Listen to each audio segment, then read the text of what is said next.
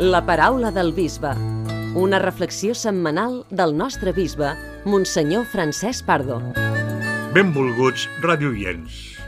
Segon diumenge de Pasqua.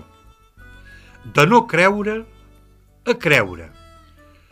L'experiència de l'apòstol Sant Tomàs, que aquest diumenge de Pasqua escoltarem en la narració evangèlica, m'ha fet pensar, primer, en tots aquells que no creuen, dubten, no saben o neguen. I en un segon moment, en els que creiem, en els que confiem en Jesucrist, mort i ressuscitat, en el si de l'Església.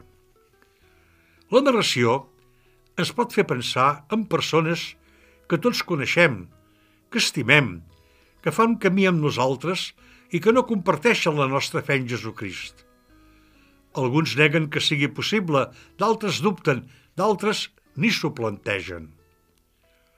Alguns fets que he viscut personalment m'ajudaran a concretar la reflexió. Fa uns anys, en la visita a una família d'una difunta a la sala de vella del tanatori, després de saludar els familiars, d'una breu pregària i de comentar la celebració de l'enterrament, el marit em demana parlar. Busquem un racó tranquil i m'explica que la seva dona era molt religiosa, però que ell li ha estat impossible creure. Em digué, algunes vegades l'he acompanyat a l'església i he escoltat el que dieu, però a mi se'm fa difícil creure-ho. Què més voldria jo? He recordat també altres trobades amb persones que es declaraven atees, ben convençudes i amb una certa militància, que si la religió era l'opi del poble, que creava falses il·lusions, perquè la gent esperés al cel i no es comprometés a transformar la terra, que si la religió projectava els nostres somnis i desitjos cap a Déu, impedint-nos de ser conscients de la nostra realitat, que creure en Déu era el gran obstacle per la llibertat i el progrés de l'home i de la societat. Sobretot em preocupa el motiu pel qual persones educades en el cristianisme han abandonat la fe. També m'he trobat amb persones que sense manifestar-se creients valoren, agraeixen i defensen les arrels cristianes del nostre poble i de la nostra cultura. S'adonen que un poble sense esperit, sense memòria, sense tradició, deixa de ser poble perquè ha perdut o està perdent la seva pròpia identitat. D'altres, per la via de la reflexió filosòfica, per la via de la bellesa, per l'experiència de la limitació humana, del dolor i del mal, cerquen respostes a les grans preguntes de la vida. No podem oblidar que tota persona sempre cerca vida, sentit, felicitat i, si pot, assegurar la plenitud del tast que experimenta en moments de la vida.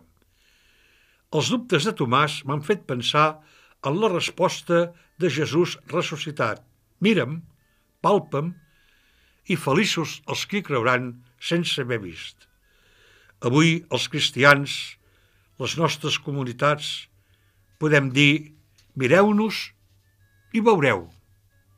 I què haurien de veure?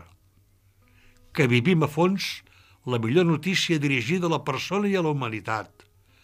Déu ens estima tant i s'ha fet un de nosaltres en Jesús per oferir-nos la possibilitat de viure estimant i de saborir del tot la vida, l'amor i la felicitat que tastem i desitgem. Que creiem en la resurrecció, és a dir, que la injustícia, el fracàs, la mort i els seus amics han estat vençuts per la mort i resurrecció de Jesús. I per això ens esforcem a transformar el nostre món. Que ens estimem a semblança de Jesús fins a arribar al perdó dels que ens han fet o ens fan mal. Que per a nosaltres tota persona gaudeix de la gran dignitat de ser fill o filla de Déu. Ho veuen? I fins la propera setmana, si Déu plau. thank you